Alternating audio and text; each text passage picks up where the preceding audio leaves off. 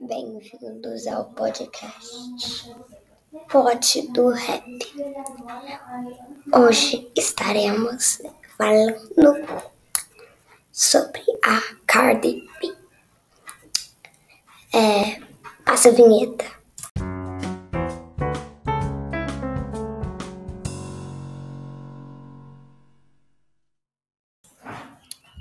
Ok. Depois dessa vinheta maravilhosa, iremos falar sobre Cardi. Muito bem.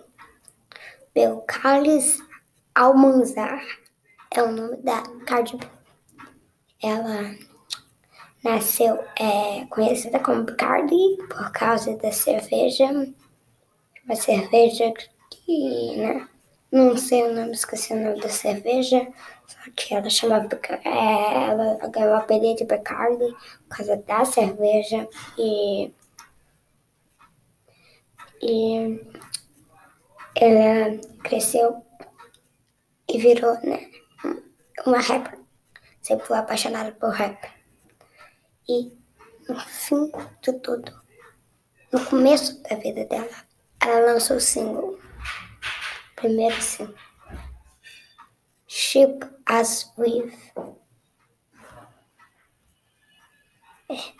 Ship as with.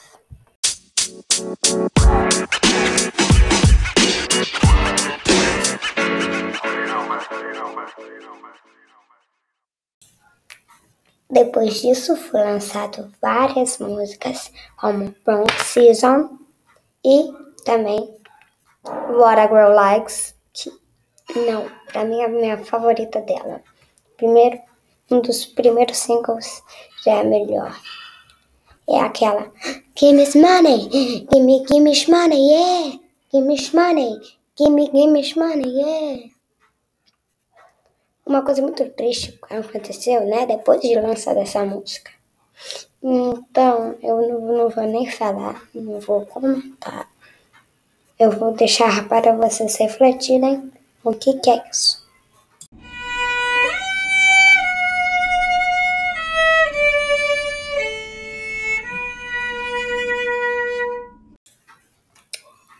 Depois lançado Invasion of Privacy, um dos maiores álbuns dela. Na verdade, antes de Invasion, lançaram dois álbuns que não eram muito assim, né? Assim, reconhecidos como álbuns, assim como episódios. Só que sim, The Gangsta Beach é, é dos álbuns dela, ou episódios.